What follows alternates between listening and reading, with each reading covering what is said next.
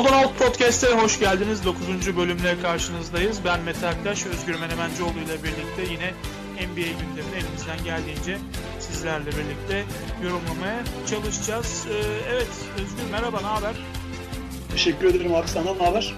İyidir çok şükür. Geçmiş doğum günün mübarek olsun diyeyim. Öyle başlayayım. Kozmos razı olsun abi senden. Sağ olasın. Yarım yüzyıla adımını atmış bulunuyorsun değil mi? Artık az kaldı. Artık çengel, çengelledik evet artık. Artık 50'ye doğru yürüyoruz. Ee, artık bizim için e, hani soruyorlar e, Balden oldun, Baldı kim, oldu kim diye. E, sen benden büyük olduğun için aslında Bolt da olsan e, old kısmına seni atıyorum. Ben de Bolt kısmını tamamlıyorum. Bolt ve Old işte böyle bir ekip. Sırayla oluyoruz. Bir hafta sen bir hafta ben abi. Değişmeli. Doğru. Döndüre döndüre. Peki e, o zaman hemen girizgahımızı yaptık. Şöyle bir başlayalım.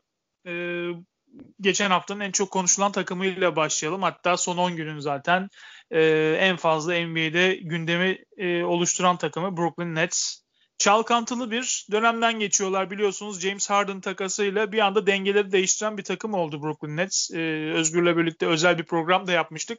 8. E, 7. programı çektikten hemen sonra yayından çıkınca James Harden'ın Nets takası gerçekleştiğini görünce e, hemen peşi sıra bir özel yayın daha yapmıştık. James Harden'ın Brooklyn takası NBA'de dengeleri nasıl değiştirir diye. Dilerseniz o bölümü de dinleyebilirsiniz e, dinlemenizi tavsiye ederim açıkçası. E, evet şu ana kadar 5 maç yaptılar. E, dün geceyle beraber. Dün gecede e, yine içeride e, Miami Heat'e karşı oynadılar ve galip geldiler. Şu anda 3 galibiyet, 2 mağlubiyet bu yeni üçlünün e, James Harden, e, Kyrie Irving ve Kevin Durant üçlüsünün derecesi 5 maçta 3 galibiyet. E, güzel giden taraflar var ama soru işaretleri olan e, ve düzeltilmesi gerekecek olan alanlar da mevcut. Yani her şey tamamen toz pembe bir tablo ortada yok Brooklyn adına. E, şimdi biraz onu konuşalım. Evet e, Özgür nasıl buldun bu 5 maç sonunda büyük üçlüyü nasıl değerlendiriyorsun? Gerçekten NBA şampiyonluğunun en güçlü e, iki adayından biri olarak değerlendiriliyor şu anda Lakers'la beraber. Sen bu görüşe katılıyor musun? Ee, yani şöyle bu e, takastan sonraki dönemde aslında beklediğimiz şeyler oldu. Yani e, abi kolay değil yani sonuçta üçüncü skoreri getiriyorsun takımı, üçüncü egoyu getiriyorsun. Bunun e, justifikasyonu kolay olmayacaktı tabii. E, bir de Kyrie döndü. Ligde e, MVP olmuş, sayı krallıkları kazanmış bir oyuncudan bahsediyoruz. Doğru. Ee, yani e, tabii şimdi ilk gazla James Harden'ın ilk ilk maçlarına baktığın zaman yani Orlando ile Milwaukee maçlarına baktığın zaman tabii ağırlıklı James Harden hepimizi e, yanlış çıkarmak için biraz asist ağırlıklı oynadı. O maçları kazandılar. E, işte uzay takımı, galaksi takımı falan denmeye başladıktan sonra iki tane Cleveland maçı kaybettiler üst üste. Ve yani bir tanesinde büyük rezillik çıktı bana sorarsan. İkisi de rezillikti de tabii bu, bu takıma karşı. Ama bizim konuştuğumuz şeyler aşağı yukarı çıkıyor. Yani benim tahmin ettiğimden daha iyi oynuyorlar. Ben bu kadar ama tabii başı tekrar söylüyorum. Çok başındayız yani. Hani herkes biraz egolarını arka plana atarak oynadığı dönemin içerisinden geçtik bu bir haftada. Fakat şöyle abi e, takım kısa yani kısa derken e, rotasyon çok kısa. Yani oyuncu yok takımda. E, onun sıkıntılarını yaşıyorlar. Yani bence e, dünkü kazandıkları Miami maçında da yani Miami'nin çok düşük yüzdeyle atması sonucunda kazandı. 17 top kaybıyla. Miami'de eksik bir Miami zaten yani baktığın zaman işte Tyler Hero yok, e, Jimmy Butler yok. Zaten eksik bir e, Miami karşısında oynadılar.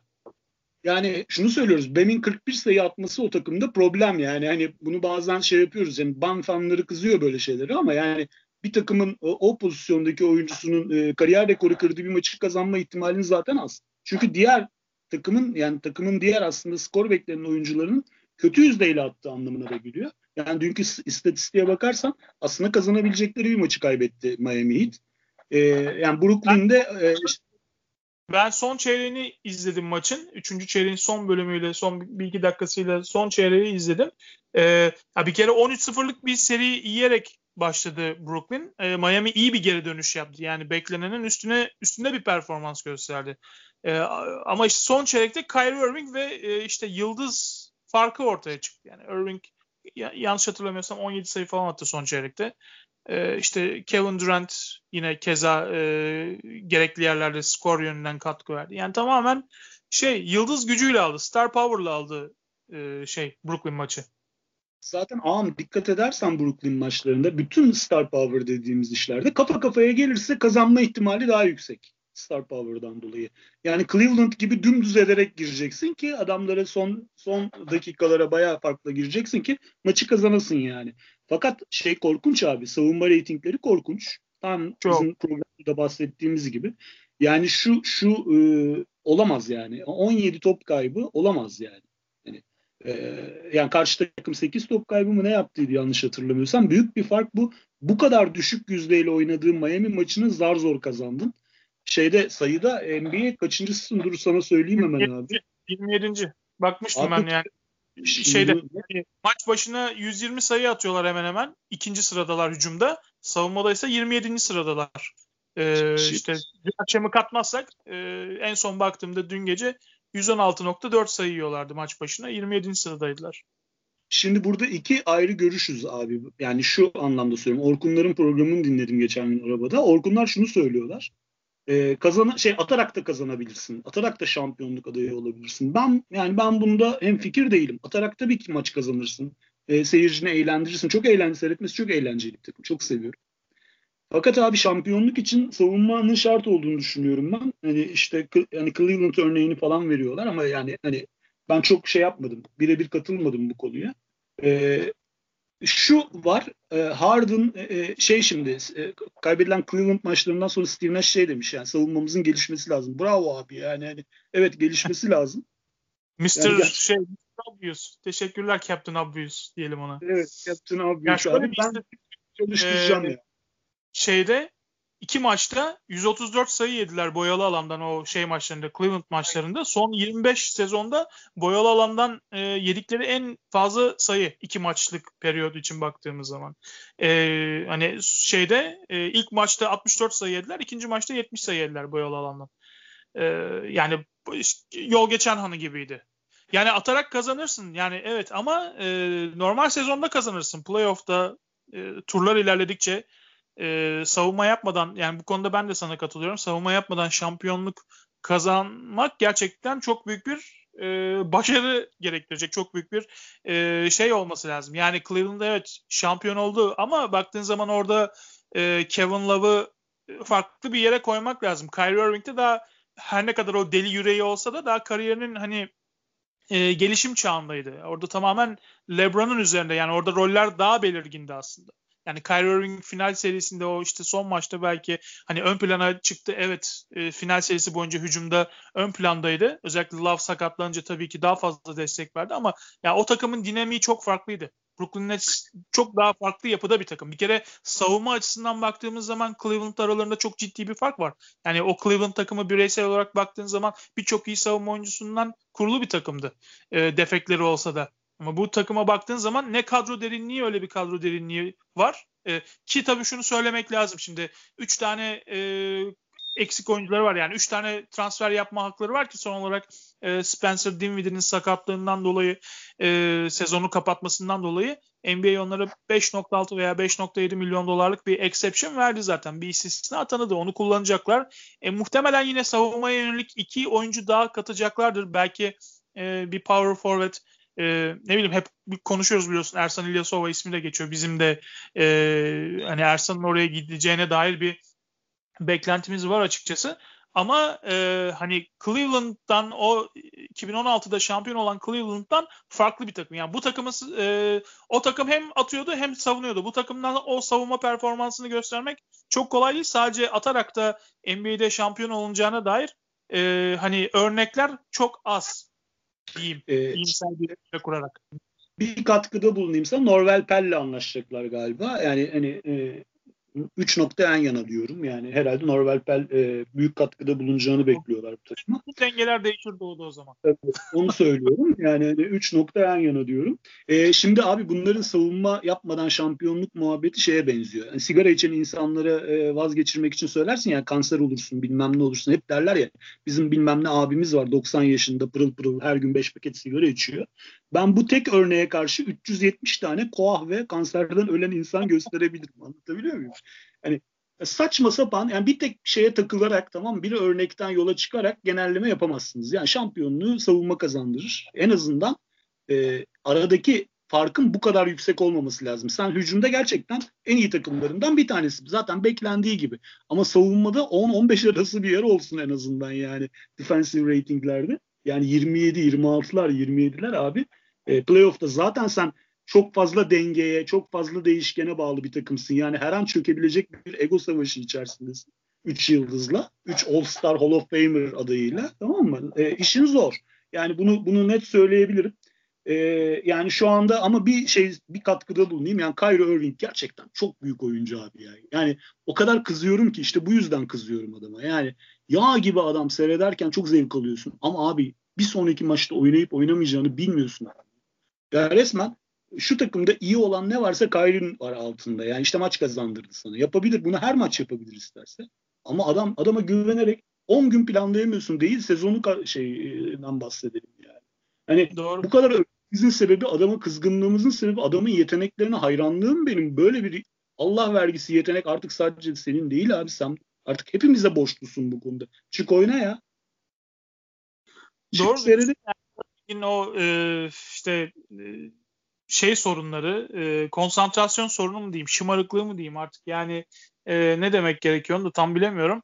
E, gerçekten can sıkabiliyor ve belirsizlik ortamı yaratabiliyor. Şimdi e, Brooklyn'le ilgili bir tespit daha yapalım ki zaten en büyük sıkıntı bu e, olacak diye düşünüyorduk. Bu aslında 5 e, maçta işte o alınan iki yenilgide biraz bunu da gördük. Gerçi Kevin Durant oynamadı e, ikinci maçta ama e, hep konuştuk yani bir tane top var, üç tane yıldız var. Nasıl bölüşecekler? Yani hala da o roller zaman içinde tabii ki daha belirginleşecektir ama e, hani topsuz oyunu mutlaka birinin bir kenara çekilmesi gerekecek. Hani Durant topsuz oyuna daha yatkın biliyorsun. Hani e, Irving ve Harden gibi dominant olması için topun elinde olmasına gerek yok. E, Golden State'teyken de bunu gördük. Yani Steph Curry ve Klay Thompson'la da oynarken e, hani çok zorlamadan o takımda e, gerekli e, liderliği yapıyordu. E, ama Kyrie yanında LeBron varken veya işte Harden yanında geçen sezon Westbrook varken bile topu domine eden oyunculardı. E, dolayısıyla hani burada oyun stilini değiştirmesi gereken bence ya Irving ya e, Harden olacak. E, açıkçası işte o şimdi konuştuğumuz nedenlerden dolayı da Kyrie'nin buna yanaşacağını sanmıyorum. Burada e, hani gerekirse takım dinamiğini bozar yani hiç de ben burada çekineceğini düşünmüyorum. Bir arıza çıkartacaktır e, hani Harden sanki burada biraz daha oyununu modifiye etmesi gereken isim olacak. Hem biraz daha belki takıma yeni dahil olmasından dolayı e, bunu yapacak.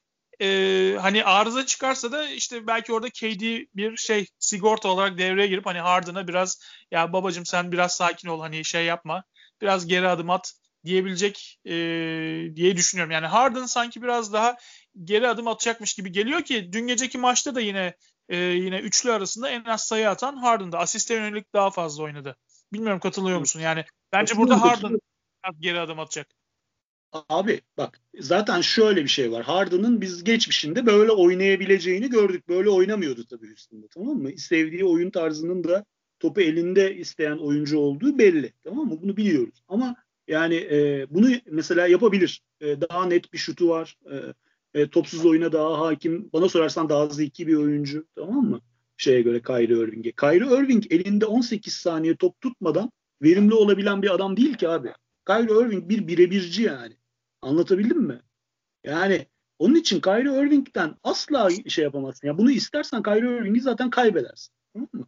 Senin aynen bahsettiğin gibi tek yolu var. Yani Durant zaten Durant mükemmel bir oyuncu. Yani benim çok sevdiğim bir oyuncu. Hani bütün antipatikliklerine rağmen her yola gelir o. Tamam mı? Şampiyonluk kazanmak için de e, fedakarlık da yapar. Ama burada gerçekten bu takımın seviyesini Harden belirleyecek. Harden'ın bu rolünü, yeni rolünü ne kadar bu off-ball rolünü ne kadar üstlenebileceği belirleyecek bana sorarsan abi. Daha point guard gibi hatta işte e, point forward gibi belki oynamak yani zorunda. 12 sayı 11 asist. Tamam. Yani, yani bu, bu rolü ne kadar sürdürebileceğiz? Evet. Devamlı Yalnız olacak. bir şey yani, söyleyeceğim. Yani bir şey söyleyeceğim. Gibi belki şey e, hani reklamları izliyoruz şu anda. Herkes daha uyumlu. İşte Harden geri adım atıyor. Tamam ben hani daha asiste yönelik oynayacağım. E, playmaker yeni, e, özelliğimi daha fazla ortaya çıkartacağım. Sahneyi Kyrie ile Durant'e bırakacağım diyor ama ne kadar süreliğine? Hayatım cicim ayları bunlar. Bir. İki. E, sadece tek bir oyuncunun ikna olmasından bahsetmiyoruz bak. Oyuncu. Oyun, Tim, Tim Irving. Tamam mı? Oyuncu. Oyuncunun karısı. Oyuncunun menajeri. Oyuncunun kankaları. Tamam mı? Bunlar sürekli e, bu rol için ikna edilmek zorundalar. Çünkü bu adamı sürekli buradan besleyecekler. E, sen sayı, sayı düştün. Hiç şut satmıyorsun ya. Yakışıyor mu senin gibi sakallıya? Tabii Maçları sen 40 sayı ortalamayla oynayan adamsın. Bunlar senden daha kötü skorerler tamam? Sen niye asist oynuyorsun? Yani hani şeydir ya sayı sayı para demektir ya abi NBA'de tamam mı? Ortalamalar düşecek. Şimdi ortalamalar daha düşmedi. Tamam mı? 24.6 sayı sezon ortalaması Harden şu anda ligde 16. sırada. E yani sen 12'nin altına düş bak ne oluyor şimdi? Yani şey e, ne diyecektim? Hele ki birkaç tane yenilgi gelirse Harden bu şekilde oynarken Menajeri nasıl ben menajeri olsam bak söylüyorum Harden'ın. Ben menajeri olsam bu rolü, bu rolü kabul eder miyim? Aa, soru işaretlerim var. Niye ben fedakarlık yapıyorum derim. Irving yapsın. Tamam mı? Yani bak ciddi söylüyorum bunu şaka yapmıyorum. Ben adamın menajeri olsam James Harden'ın tamam mı? Ben ben MVP'yim tamam mı? Ee, işte bu şeyi bu rakamları koymuşum önüme. Fedakarlık yapacaksam Kyrie yapsın derim ya. Hani menajeri olsam. Ben niye buna ikna olayım ki? Çünkü bunları yaptıkça para kazanacak Harden'da yani anlatabildim mi? Reklam alacak bilmem ne alacak. Bu rakamlara indiği zaman ortalamaları Harden degrade olacak oyuncu olarak. Ha benim kafama göre olmayacak ama bütün timinin, bütün takımının buna ikna edilmesi gerekiyor. Yani Harden'ın bir franchise killer olduğuna ikna olacaksın. Bunun ancak böyle düzeltilebileceğine ikna olacaksın abi. Tamam mı? Bütün takımın buna ikna olacak. Kampın buna ikna olacak. O zaman işte olur bu. Tamam Bu arada Olur. Şey, e, şeyin e, sen konuşurken şöyle baktım James Harden'ın menajeri kim diye Rich Paul çıktı oradan da. Clutch Sports'un işte. biliyorsun e, LeBron James'in menajeri. Buyurun. Yani e, Nets'te hala bizim soru işaretlerimiz bakidir. Benim başka soru işaretim hep öne çıkardığım fakat hiç kimsenin de konuştuğunu duymadığım soru işaretim de şu abi. Nets hala çok kısa bir takım. Yani Nets rotasyonu. Sen birisine kızdın. Oynatmıyorsun bunu. Dakikalarını düşürdün. Yerine kimi koyacaksın? Norvel Peli mi koyacaksın? Yani bu takviyelerin bir an evvel yapılması lazım. Exception'ı da almışsın arkadaş. Tamam mı? Takımına e, kimle anlaşacaksan anlaş. Takımına rotasyon oyuncusu koymak zorundasın. Başka yolu yok bunun. Zaten bu kadar dakikada oynayamazlar. Yani Tabii, bu, bu kadar az dakikalar e, playoff'larda göz önüne alındığında e, oynamaları Gerçekten. çok zor. Yani dün akşam şöyle bakıyorum hemen açtım. İşte Harden 38 dakika, Durant 37, Irving 36 dakika, Joe Harris 37 dakika oynamış. Yani bench'ten doğru süre alan bir Jeff Green vardı 26 dakika. Hani 20 dakika ve üzerinde süre alan Jeff Green var. Zaten 9 kişiyle oynadılar. Sakatlandın bilmem ne oldu. Kimi oynatacaksın yerine? Yani bir an evvel bu takviyenin yapılması lazım. Sean Marks'ın adam ol. Sean Marks diyoruz.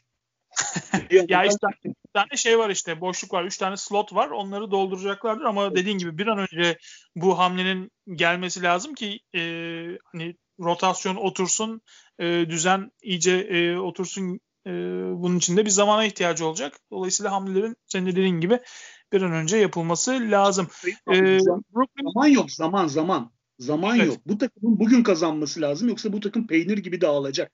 Yani bu takım şu an için hazırlanmış bir takım. Bu sezon için. Tamam mı? Bir an evvel seri kazanmaları lazım. Clippers gibi böyle 6 maç üst üste, 7 maç üst üste kazanmaları lazım yani. Yoksa dağılır bu takım. Net mi? Peki yani? Brooklyn'i konuşurken e, ismini zikrettiğimiz bir takımla devam edelim. E, Cleveland Cavaliers gerçekten iki tane Brooklyn galibiyetiyle e, ne oluyoruz dedirtti yani bu takıma e, sezon başında biz dahil dudak bükenlerin sayısı çok fazlaydı ama şu anda baktığımız zaman 15 maçta 8 galibiyeti var ve 3 maçlıkta bir galibiyet serisi var. İkisi Brooklyn Nets'e karşı alınmış durumda. Ee, ne oldu bu Cleveland'da da bir anda ligin e, doğunun zemininde yer alması beklenirken şu anda playoff'un tab playoff tablosunun içinde yer alıyor. Hemen bunu sorayım sana. Abi şöyle e, zaten yani Cleveland'ın biz hep ne diyorduk? Genç çekirdeği var diyorduk. Tamam Bu çekirdek ne kadar oynarsa o kadar şey yapar diyorduk. Gelişir diyorduk. Şimdi Cleveland şu ana kadar kazanması gereken, gereken maçları kağıt üzerinde kazanarak geldi. Kaybetmesi gereken maçları kaybederek gelmişti. Fakat şu son Brooklyn galibiyetlerine kadar bakarsan geriye dönük kazandığı maçlara böyleydi. Şimdi ne değişti abi? Ee, abi Colin Sexton ayı gibi oynamaya başladı. Değişen bu oldu. Yani durdurulamıyor. El avuca sığmayan bir herif. Yani hep benzetilen Derrick Rose benzetmeleri e, e, nin hakkını vermeye başladı. En büyük e, bu çocuğun şeyi daha drafttayken de aynı şeyi söylüyorduk. Şut istikrarıydı. E şutu istikrarlı soktuğu maçları da kazanıyorlar. Yani e, değişen atıyor. E, sağ içi şut isabeti %53.4. E, 3 sayı isabeti de %50. Yani bir e, bu volümde şut atan bir oyuncu için gerçekten e, inanılmaz rakamlar. Abi seni her türlü yenecek bir herif yani hani gününde olduğu zaman her tarafından geçer atar. Zaten öyleydi. Yani işte bu o yüzden Derrick Rose'a benzetiyorduk onun belli taraflarından. Daha ham bir Derrick Rose'du. Oyun zekası ile ilgili problem var diyorduk. Yani point guard değil de skorer gibi diyorduk. Zaten e, bu bunun da aksine bir şey değil ama seni deliyor geçiyor adam. Yani çok acayip bir şeye dönüştü. E, yani Derrick şey e, Colin Sexton'ın gelişiminin çok büyük faydası oldu abi bu dönemde. E, şey zaten Andre Drummond e, sezon başından beri çok iyi oynuyor. Larry Nance e, 3-4 oynamaya başladı. Yani 4 ağırlıklı olarak ama 3'ü de bazen yedekliyor. Larry Nance'in oyununda. Yani de, e, hakikaten bir seviye atmış vaziyette. Tabii. Yani şey Isaac Okoro sakattı, tekrar döndü, gene katkıda bulunuyor, çok iyi savunma yapıyor. Yani hani Isaac Okoro'dan beklenen alıyoruz. Cedi Osman çok iyi oynuyor. Ee, yani e, kendi rolünü de bir şey yapmış durumda. Ee, bana sorarsan gayet iyi gidiyorlar. Ee, bakıyorum şey, abi asıl buradaki şey Taurian Prince çok iyi oynuyor. Geldiğinden beri. Adam hiç beklemediğim benim zaten severim ama yani çok bu kadar hani fişe tak çalıştır bir performans beklemiyordum istatistiklerine bakarsan acayip verimli oynuyor. Zaten iyi savunmacılar. Tamam mı? İş görüyor yani Tavren Prince. E şey e, Jared Allen bence e, takımda aldığı dakikaların hakkını veriyor. İyi bir e, şey e, profil, profil çiziyor. Açıklamalarını falan da çok beğeniyorum. Brooklyn'e de şey yapmadım. Ben de olsam ben de yapardım bu takası dedi falan böyle. Hoşumuza giden bir arkadaş. Takımda her şey yolunda gidiyor abi şu anda. O yüzden yani herkes kendinin en iyi versiyonuyla oynayınca tamam mı? Takım maç kazanıyor. Görünen bu. Ha, Cleveland buralarda bitirir mi? E, benim hala çok soru işaretim var. Hala büyük problemleri var takımın. Ama ama şu anda zevkle seyrediyorum Cleveland'ı. Ee, o zaman bir övgü de J.B. Bickerstaff'e verelim. Yani bu kadroyu e, oturtan, e, savunma anlayışını da e, geliştiren bir antrenör oldu. Oyuncuların gelişiminde de bence önemli bir rolü var. Colin Sexton'ın da rolünü bence net bir şekilde belirlemesi açısından ve Bickerstaff'e burada yine bir alkış göndermek lazım. Hani bu takımın en büyük sıkıntısı neydi konuştuğumuz zaman? E, Colin Sexton yanında da Darius Garland. Yani iki tane aynı tipte 1.85 işte boylarında aynı tipte iki oyuncu. Yani Sexton'a kardeşim sen at Garland'a da sen daha asiste yönelik oyna dedi. Şu anda Garland'ın asist ortalamaları geçen sezonun neredeyse iki katı. E Colin Sexton da işte e, kafasını tamamen skor üretmeye e, verince hakikaten e, işler iyi gitmeye başladı Cleveland'da. E bir de şey hani hakikaten savunma tarafıyla da onu koruyorlar. Savunmada sonuçta Sexton iyi bir şey değil. E, çok yetenekli bir isim değil.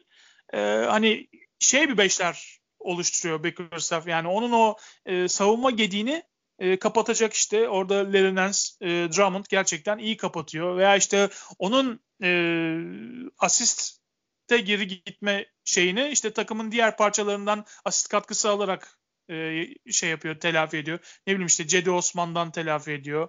E, hani Cedi hakikaten çok iyi bir sezon geçiriyor. Onu da altını çizmek lazım. Sen de bahsettin zaten.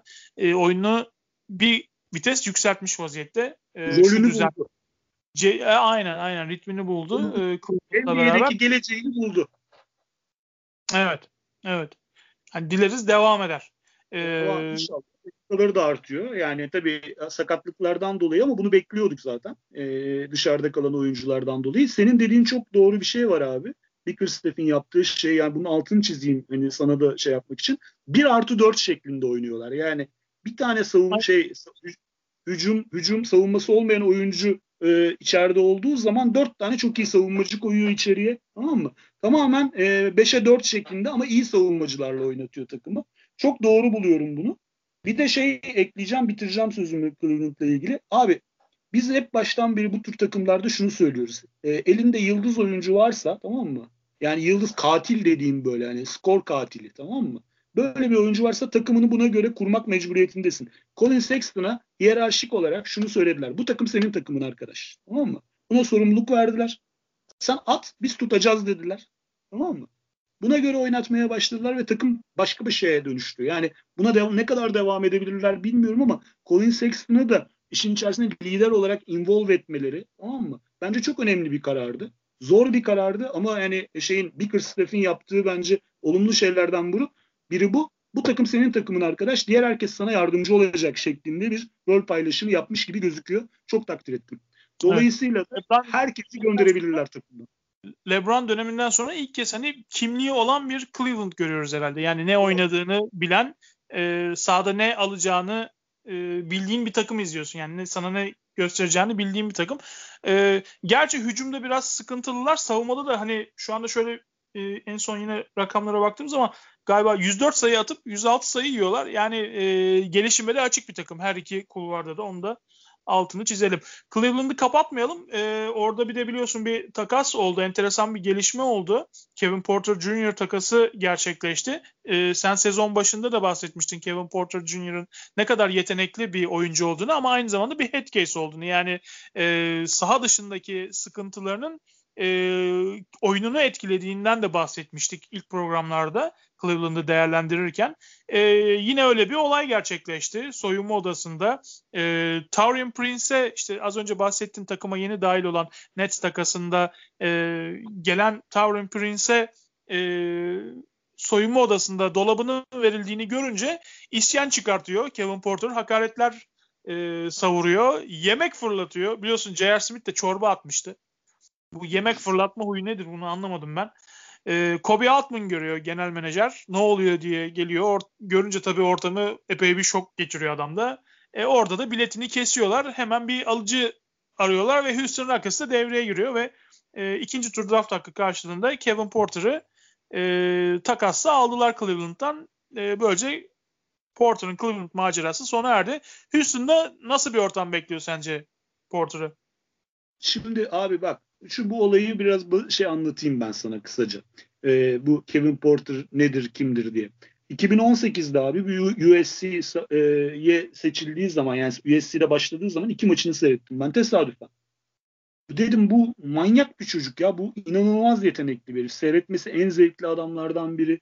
Acayip bir skor upside'ı var. Acayip bir asist upside'ı var herifin. Yani aslında bir point guard değil ama point guard gibi yani point forvet gibi oynayan iki numaradan bile yani hem skor atıp hem oyun kurabilecek yetenekli bir adam ama o sınıfın seyretmesi en zevkli adamlarından bir tanesiydi. Tamam ben yazmıştım o zaman da zaten Twitter'da bunu. Tamam mı? Fakat abi şöyle oldu. Ee, Ocak ayında 2019'un Ocak ayında USC şey yaptı yani sezonu bile çöpe atma göze alarak bu herifi personal conduct'tan takımdan attılar. Tamam mı?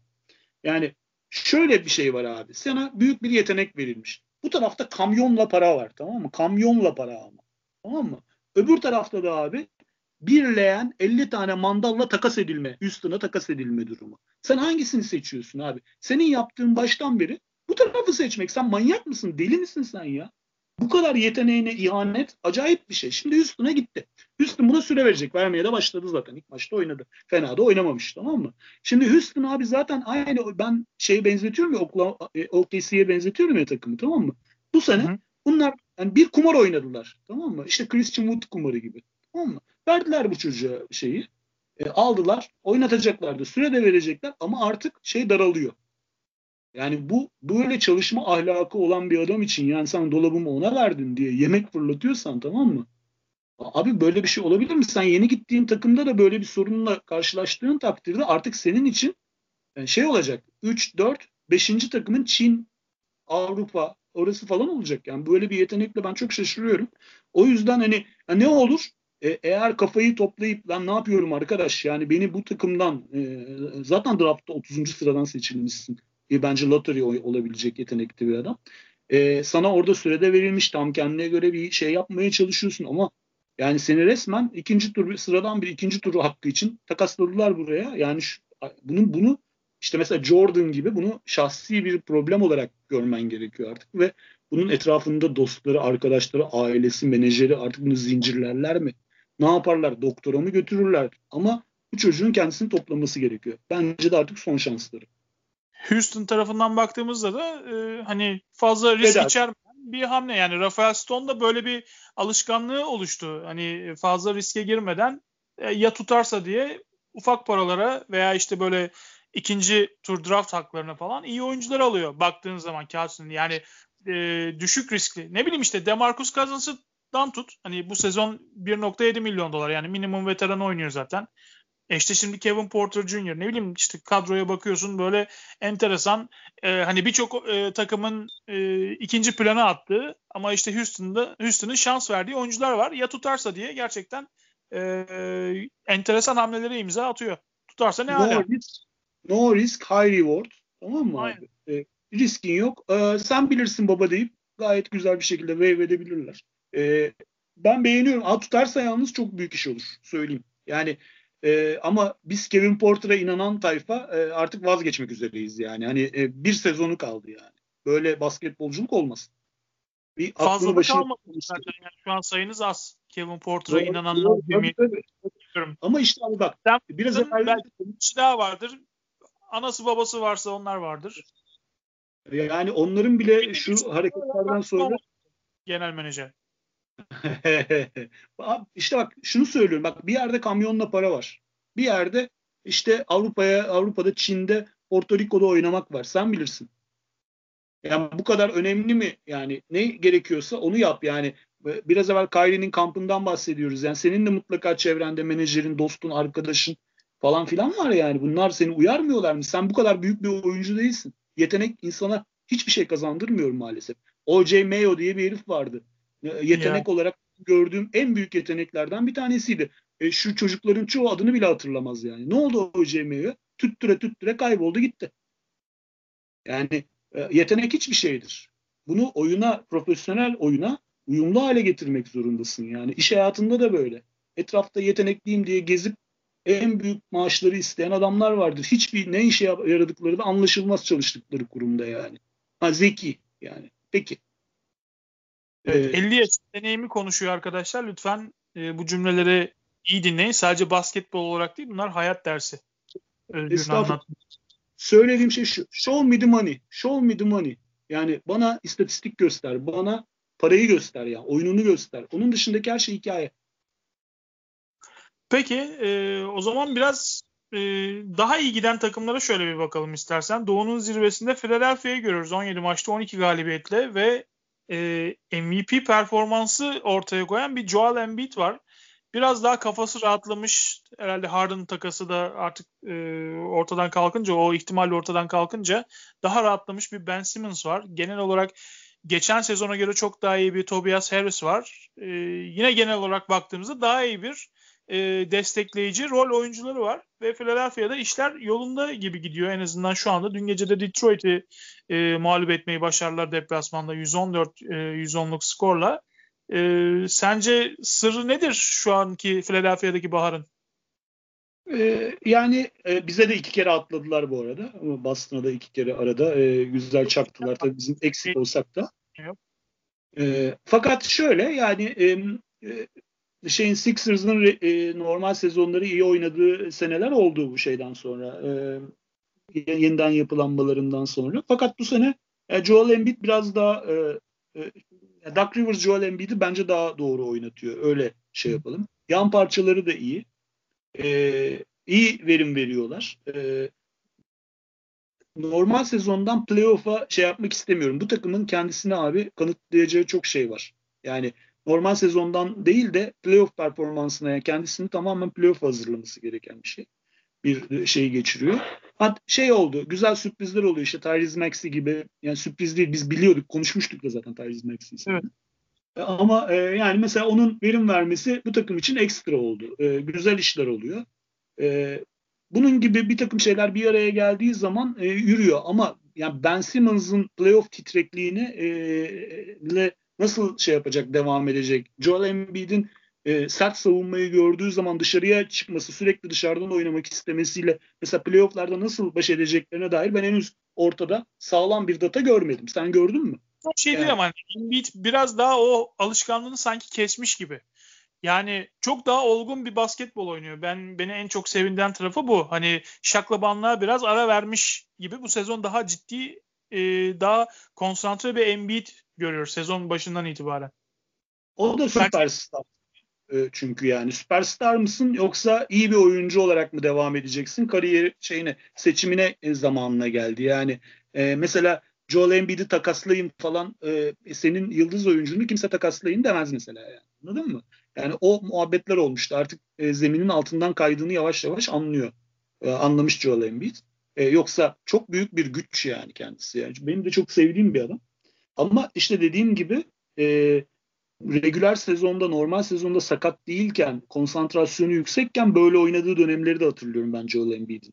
Sıkıntı abi zoru gördüğü zaman, sertliği gördüğü zaman ne yapacağı. Ben şu anda e, normal sezonda hiçbir takımın çok sert oynadığını düşünmüyorum şu anda. Yani o şeyi hani battle tested e, bir şeyi yok, sertliği yok şeyin Joel Embiid'in. Ve şimdiye kadar hep e, baskı altında kırıldığını gördük. İki, iki yıldızının. Hani ben buradan yola çıkarak bir şey söylemek istemiyorum ama gördüğüm benim e, işte Danny Green bir iyi bir kötü. E, işte Mike Scott bir iyi bir kötü. Dakota Matias e, bir şeyler yapmaya çalışıyor. ilginç. E, Tyrese Maxey, Isaiah Joe bunlar iyi çıkan adamlar. E, yani ben Philadelphia'nın kötü olduğunu düşünmüyorum. Zaten şeyler de belli. Benim söylememe gerek yok.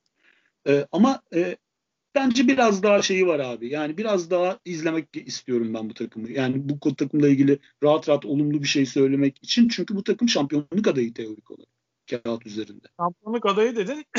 e, şeyde Twitter'da enteresan bir şey gördüm. Bir tweet gördüm. 2014-15 Warriors'a kıyaslıyorlar 2020-21 Philadelphia'yı. Şöyle işte bir önceki sezon ikisi de ilk turda e, playoff'lara veda etti. E, işte preseason'da ikisi de e, Power Rankings'te 8. sırada gösteriliyordu. Steph Curry 26 yaşında sezona başladı. Joel Embiid 26 yaşında. Klay Thompson 24, Ben Simmons 24. E, Steph Clay'in 4. sezonu, Joel ve e, Ben Simmons'ın birlikte 4. sezonu. Takımın başında yeni koç var. E, orada Steve Kerr vardı. Burada Doug Rivers var. E, o sezon Clay için e, Kevin Love takası söyleniyordu. O takas olmamıştı. E, bu takımda da Philadelphia'da da işte e, Ben Simmons Harden söylentisi vardı biliyorsun olmadı. E, ikisi de sezona 11-1 başladılar. E, Steph ve Clay'in 12 maçlık hücum reytingi 117'ymiş. E, Joel Ben'in de 12 maçlık playoff rate, e, şey e, hücum reytingi 117.8'miş. E, Steph Curry o dönem biliyorsun MVP için ön plandaydı. Bu sezonda Joel, Joel Embiid'in adı MVP için geçiyor. Dolayısıyla hani böyle bir benzerlik şey acaba o sezon bu sezon mu? Biz de Warriors gibi e, şampiyonluğa sezon sonunda ulaşabilir miyiz diye Sixers taraftarlarının beklentisi var. Senin de dediğin gibi daha herhangi bir yargıya varmak için çok erken. E, ama iyi başladıklarını kabul etmek lazım. E, Joel Embiid'i de ben geçen sezonlara göre çok daha konsantre bir şekilde görüyorum. Bu artık koç farkı mı yoksa senin de dediğin gibi e, artık gerçek bir süper yıldız mısın yoksa e, normal bir işte e, her her yıl All-Star olabilen işte e, yetenekli bir oyuncu musun? E, onun farkının belli olacağı e, bir sezon e, Embiid için ve sanki kafasını ben süperstar olacağım bu takımı şampiyon yapacağım havasına e, hazırlamış gibi duruyor. Hep birlikte göreceğiz ne olduğunu. E, batı'da da istersen biraz şeyden bahsedelim. Utah Jazz'dan bahsedelim. Onlar da gerçekten e, geçen sezon geçen sezon biliyorsun Denver'a karşı dramatik bir şekilde e, kaybetmişlerdi playoff'larda. Bu sezona gerçekten iyi başladılar. E, üst üste de e, seri galibiyetleri var. Şu anda da e, baktığımız zaman son 8 maçını kazanmış vaziyette ve Batı Konferansı'nda Lakers'ın arkasından ikinci sırada yer alıyor. E, Utah'taki bu çıkışı neye bağlıyorsun? Ee, önce bir şey söyleyeyim o Sixers'la ilgili. Abi Sixers tavandan konfetileri vaktinden önce düşürmeyi çok sever. Sixers camiası. Biraz evvelki o tweetlerinden aklıma o geldi. Onu söylüyorum. Ee, daha dur bakalım. Yani hani o şeyim bu bu şampiyonluk şeyle. Abi Utah Utah benim hani e, NBA'de e, Avrupa basketbolu gibi oynadığını düşündüğüm takımlardan bir tanesi. E, son derece dengeli bir takım zaten. iyi kurulmuş bir takım. E, kimyası düzgün. iyi bir koçu var e, şey yani düzgün düzgün e, her akşam e, ne perform edeceğini e, bildiğin oyunculardan kurulu bir takım. E, işte gardı iyi, skoreri iyi, pivotu iyi e, ve e, işte klasik beklentilerini karşılayabilecek şey ve rol oyuncuları da her akşam belli e, bir range içerisinde e, performanslarını gösteren takımlar ve yenilmesi zor bir takım Utah gerçekten. E, yani şey benim beklediğim gibi yani çok büyük ben şey beklemiyordum. Batı'da çok bu kadar yukarıya geleceğini beklemiyordum ama ne alacağını beklediğim bildiğim bir takım. Sonucu güzel. Sen ne düşünüyorsun? Ben de katılıyorum. Sürekli düşündüğüm şu geçen sezon hakikaten playofflarda eğer Bogdan Bogdanovic sakat olmasaydı belki de e, çok farklı bir e, sonuç izleyebilirdik. Yani e, Utah belki Denver'a teslim olmayacaktı. Onun da e, farkı bu sezon işte Utah'ın bu istikrarında bence Bogdanovic'in de payı büyük. Hani hep e, Donovan Mitchell, Conley ve e, Rudy Gobert'i konuşuyoruz. E, ama Bogdanovic'in de ne kadar e, kilit bir oyuncu oldu. Bu sezonki performansıyla da ortada. Dün gece de Golden State'i 127-108 yendiler. Dediğim gibi üst üste 8. galibiyetlerini kazandılar. Bogdanovic dün akşam hani 13'te 3 şut isabetiyle oynamış ama 8 asist, 7 rebound, 14 sayı ve e, plus minus e, şeyinde ratinginde 36 artı 36 yani gerçekten çok değerli bir oyuncu. Senin de dediğin gibi istikrar Utah'ın e, zaten Utah Jazz istikrarla aslında hani hep San Antonio konuşulur ama Utah Jazz da istikrarın bir diğer adıdır aslında NBA'de. Baktığın zaman 1980'lerden bugüne kadar bir çizgi çektiğin zaman en istikrarlı takımlardan biridir her zaman. Zaman zaman e, bocalasa da e, yine de hani re- rebuildinglerden geçse bile belli bir seviyenin altına çok az sene sezonlarda düştü diyebiliriz. E, bu sezonda yine e, istikrarlı bir şekilde devam ediyorlar. E, şu anda da ikinci sıradalar Batı'da. Batı'nın üçüncü sırasında ise yine e, bir başka vites yükseltmiş takım var. Los Angeles Clippers. E, sen konuşalım dedin bu program için Clippers'ı. E, neler söylemek istiyorsun? Valla e, sessiz sessiz e, Clippers bayağı üst üste galibiyet aldı. 6 maç üst üste kazandılar. E, şimdi e, kötü oynadıkları zaman gömüyoruz. İyi oynadıkları zaman da e, azıcık ölelim. E, neler değişti açısından. Bir kere şu şu anlamda çok fazla bir şey değişmedi. Çok e, kazandıkları maçlara bakarsan Bulls'u çok zor yendiler. E, işte e, Pelicans'ı yendiler. Kings'i iki maç yendiler. E, e, ve Oklahoma OKC'yi yendiler. Kazandıkları tek doğru dürüst kendi kalibrelerindeki maç Pacers maçı bu dönemin içerisinde. Yani hani e, şampiyonluk adayı takımlardan değilim ya da üst sıra takım adaylarından ama iyi giden bir takım şeyler var abi. Paul George iyi oynuyor. E, MVP kalibresinde oynuyor. Güzel şutunu sokuyor yani. Onun büyük problemi oydu biliyorsun. Ya az önce Embiid için söylediklerini ben de Paul George için söyleyeceğim. Kusura bakmazsan. Yani benim evet. için hiç şey e, bir ölçü değil. Yani Paul George'un şu anda iyi oynaması gerçekten bir ölçü değil. Onu playoff'larda o playoff P diye ortaya atılıp e, sonra altına yapmasını izledikten sonra bu sezon hele e, normal sezon performansı hiç ben bakmıyorum bile. İsterse 40 sayı, 10 asist, 10 rebound ortalamasıyla tamamlasın sezonu. Playoff'larda ben onu oynarken görmedikçe e, şeyim yani hiç soğuğum ben Paul George'a ki çok severim yani. Playoff P iyiymiş yani tam anlamında da altına etme konusunda son derece doğru P yani hani şey e, abi abi şöyle e, bu arkadaşların geçen seneki temel problemi çok statik oynamalarıydı biliyorsun. Yani hani e, point kart olmayınca takımda e, hala da yok ama e, değişen birkaç şey var. E, abi Luke Kennard e, e, katkısı faydalı oldu takıma. Çünkü top dolaştırabilen bir adam. sonunda. Nefis Kennard e, güzel oynuyor. Yani şu anlamda her maç çok büyük skor katkısı yapmıyor ama e, topun dolaşması açısından o ekstra pasın yapılması açısından Luke Kennard faydalı oynuyor. Nikola Batum takviyesi tahmin ettiğimin ötesinde faydalı oldu. Yani yine sadece skor açısından değil mobilite açısından da topun mobilleşmesi açısından da. E, zaten Ibaka'dan bekliyorduk. Ibaka bekleneni vermeye başladı. Yani o prezensi, savunma prezensini gösteriyor. Gayet güzel. Ya, takımda bir takım şeyler iyi gidiyor. Sadece takımda hala büyük şaşkınlıkla takip ettiğim Lou Williams çok kötü oynuyor abi. Hani Lou Williams'la ilgili bir sorun var bu takımda. Bilmiyorum senin bir duyduğun bir şey var mı? Yani bu dakikaları düştü. E, şeyi e, skor katkısı düştü. İlk kez ben Lou Williams'ın robot olduğunu düşünüyordum bu konuda.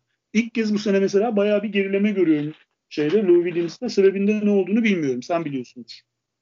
Valla sebebi şey olabilir. O sürekli gittiği işte hatta Bubble'da da ceza almasına neden olan Strip Club'la oradan üyeliği düştü deniyor.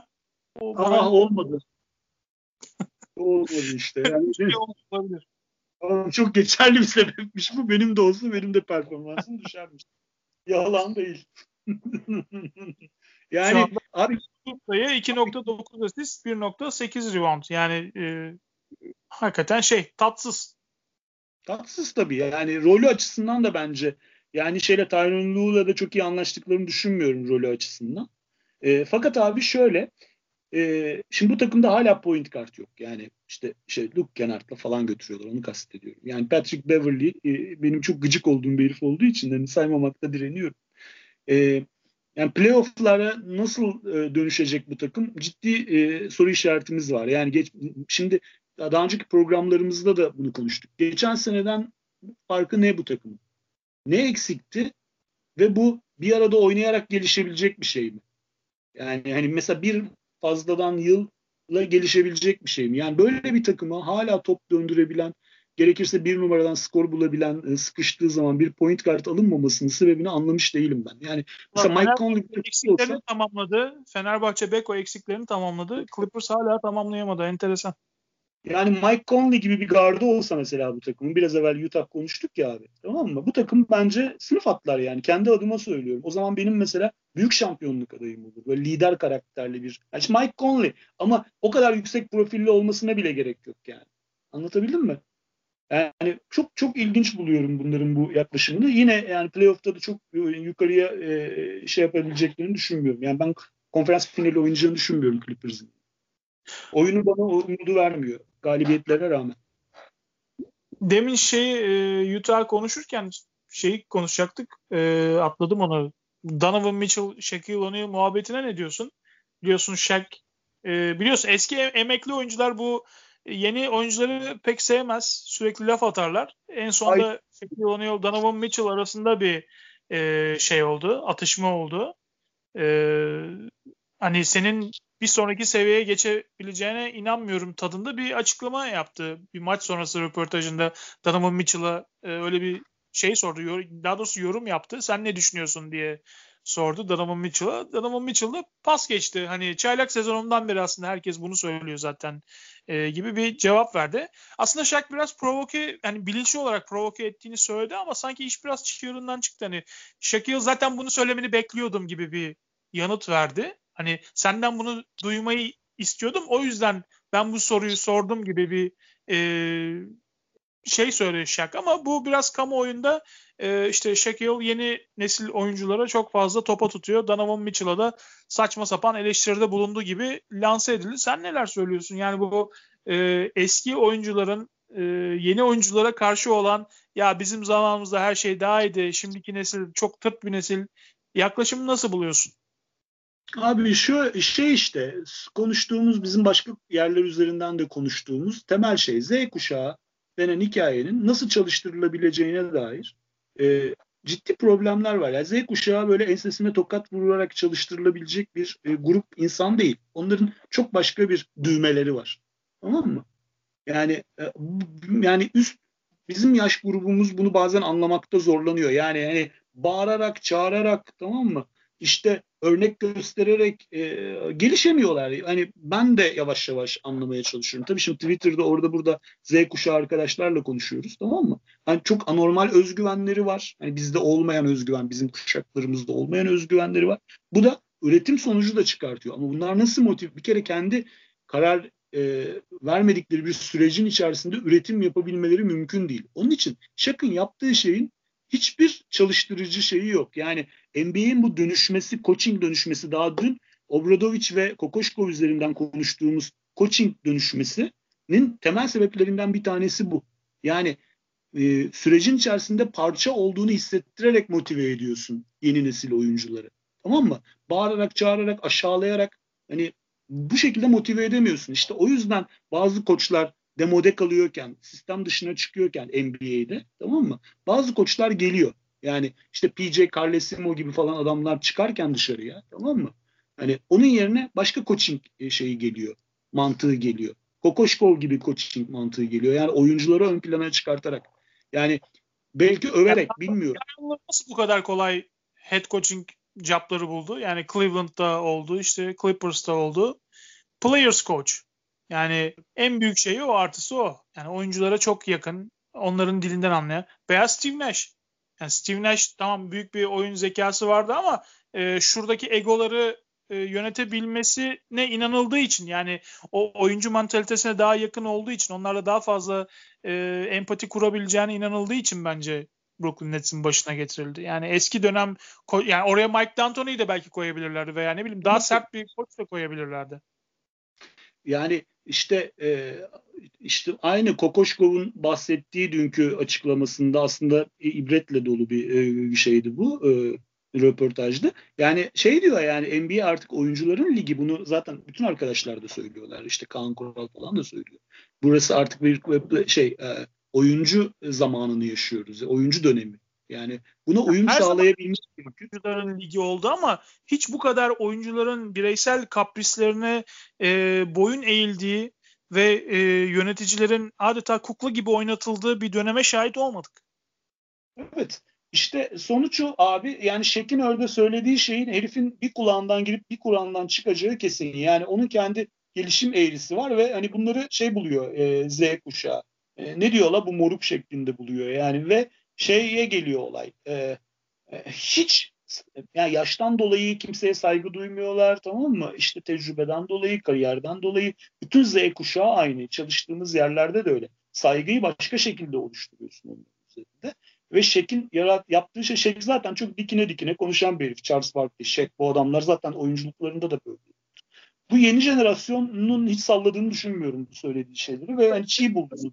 Şek'in yetişme tarzı da biliyorsun öyle. Yani e, Sarge Harrison, Philip Harrison yani üvey babası ama yani öz babası zaten biyolojik babası hiçbir zaman hayatında olmamıştı. Ama o Philip Harrison yani e, Amerikan ordusunda e, drill subayı olan e, çavuş olan bir e, adamın elinde e, büyümesi zaten onu sert bir karakter e, yapmıştı. Hani biraz onun yansımasıydı herhalde o diyalog. Yani öyle gaza getirme, farklı bir şekilde motive etmeye çalıştı ama dediğin gibi yani e, bu kuşak pek e, onlara alışkın değil, ihtiyaç da duymuyor. E, biraz da demode kalıyor dediğin gibi yani Şekin o tavrı. Mesela Ekbe Udoh'un abi e, götüne ayakları vura vura NBA'ye kaçmasının sebeplerinden bir tanesi gerçekten Obradovic koçun yine tamam mı? Alışamıyor olmasıydı. Zaten adamın bütün konuşmalarında e, alttan alta tabii saygı ve sevgi duyarak çünkü başarı getiren bir sistemdi bu tamam mı? Ama yani hani hiç yani bunu bunu söyleyerek gitti adam. Yani böyle bir coaching'e yeni jenerasyonun yıldızları böyle bir coaching altında oynamak istemiyorlar. Yani bir coaching'den bahsediyoruz ama Şek'in yaptığı da aslında bir mentörlük burada. Tamam mı? Mentörlük denemesi. Ama mentörlük böyle olmuyor artık. Bu Z kuşağında mentörlük bu şekilde yürümüyor. Bunu herkesin bir hepimizin de dahil hani muhatap olan insanların e, bilmesi lazım. Yani mesela işte Z kuşağına bir şey satmak istiyorsan karar süreçleri içerisinde Z kuşağı koymak zorundasın. Anlatabiliyor muyum? Bunun bu olursa ancak bir şey satabiliyorsun. Yoksa adam hiç umurunda bile değil. Bak bu politikada da aynı, sporda da aynı, işte broadcasting'de de aynı bu karar süreçlerinin içerisinde bu adamlardan koymak zorundasın. Bu da böyle. Yani böyle algılı olayı.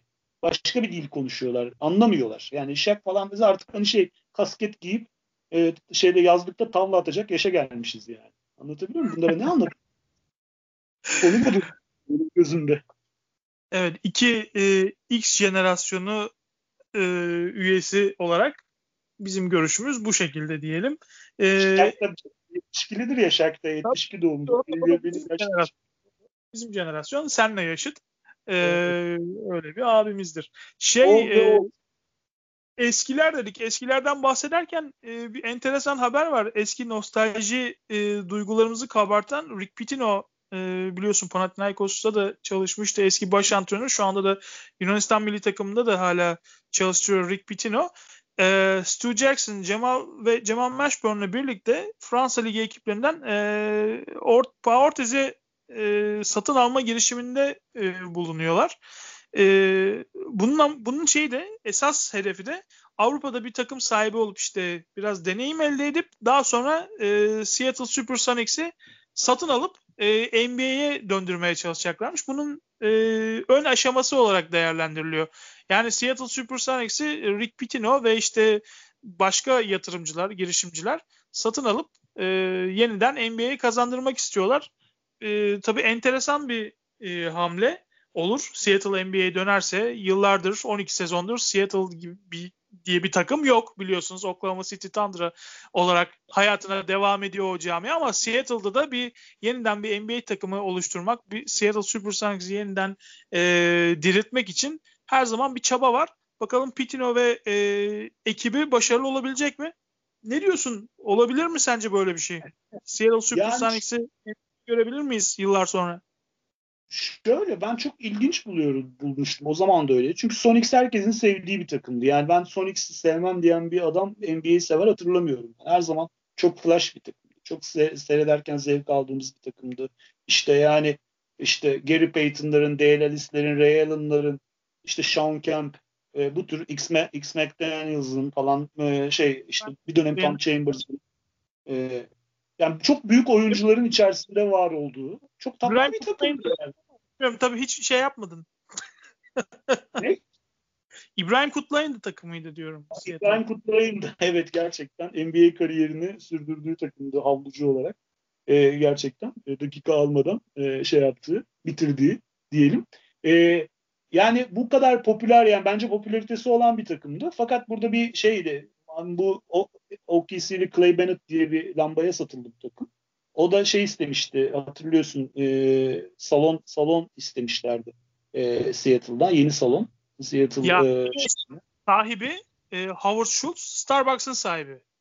De. Sahibiydi. Clay Bennett'e satan e, Howard Schultz Starbucks'ın e, sahibi olan abimizdi ve hani satarken de yani tamam satıyorum ama bu takımı götürmeyeceksiniz değil mi? Seattle'dan Clay Bennett'ı tabii tabii götürmeyeceğim canım. Yani biz Oklahoma'lıyız ama biz hem Oklahoma City'nin gelişmesi için bu hamleyi yapıyoruz ama Seattle'da takımı tutacağız demişti. Tabii iki sene sonra Vın Turizm. Tabii. Yani şey dedi yeni salon yapın bana o zaman kalırım dedi. Yapılamayınca da fırsat bu fırsat deyip kaçırdı. Takımı kapattı. Aynen. Yani bence e, NBA tarihi boyunca e, Seattle mı Oklahoma mı dersen ben Seattle derim yani. Hangisini görmek istersin diye. O yüzden Seattle dönerse çok mutlu olurum. Benim çok sevdiğim bir takımdı her zaman. Yani ben Boston taraftarıyım ama sevdiğim bir takım Batı tarafında. E, ama bu bu şeyi niye yaptılar onu çok saçma buldum. Yani sen bu şeyde Fransa'da bir takım alacaksın da yani Avrupa basketbolunda e, haritasında nerede olduğu belli olan bir takımdan nasıl bir tecrübe kazanmayı düşünüyorsun? Kimden takas mı yapacaksın? Ne yapacaksın? Nasıl bir şey yapacaksın yani? O, o bana çok ilginç geldi. Rick Pitino hıyarlıkları. yani, yani. başka bir Amerika'da da böyle amatör olup basketbol ligleri var yani NBA haricinde yani ligler var yani yarı amatör, yarı profesyonel ligler var. Onlardan bir takım satın alsaydın dediğin gibi ama enteresan. İlginç yani hani hani ay şey ilgimi çekti. Yani anlamadığım bir şey mi var benim burada? Bu kadar salakça bir şey görmedim diye. Yani gelip Power Ortes'ten Power Ortes'i satın alabilirsin. Hani belki ne bileyim bir development yapacaksındır tamam mı? Anladım da yani hani Olan diyorum benim anlamadığım bir şey var burada. Bir şey mi söylemeye çalışıyorlar? Seattle'ı döndüreceğiz de onun için Power tezi satın aldık falan. Değil mi acaba? Yani, okumak lazım. Lost in Translation bir şey mi var acaba? Ben de onu evet, merak ediyorum. Evet, sanki yani. Hani çok saçma gelmişti bana. ki zaten Rick Pitino'dan da nefret ederim. Yani gayet güzel Boston'ın Larry Bird'ü Boston'dan kopartan adamlardan bir tanesidir. O yüzden hani sevmem herifi. Şimdi hani ne görsem tüylerim diken diken oluyor. İnşallah almazlar Seattle. Bunlar almaz yani. Ama Seattle'ın dönmesini çok isterim. Zaten expansion falan yapılacak deniyor ya Mete. Expansion evet. olursa Seattle, Seattle kesin gelir yani. Bu e, administration veya başka bir altında. Yani insanlar unutmadılar Seattle'ı. Şey Kevin Durant'i e, draft eden takım mesela yani Seattle. Aynen. Ee, ben de isterim açıkçası Seattle'ı bir kez daha NBA'de görmek. Seattle Supersonics olarak muhtemelen devam ederler. Tabii farklı bir isim olacağını da sanmıyorum. Bakalım zaman neler gösterecek diyelim. Özgür e, bu haftalıkta böyle noktalayalım istersen. Ee, süper. Çok çok güzel bir e, program oldu. E, ağzına sağlık Meteciğim. Çok teşekkür ederim sana.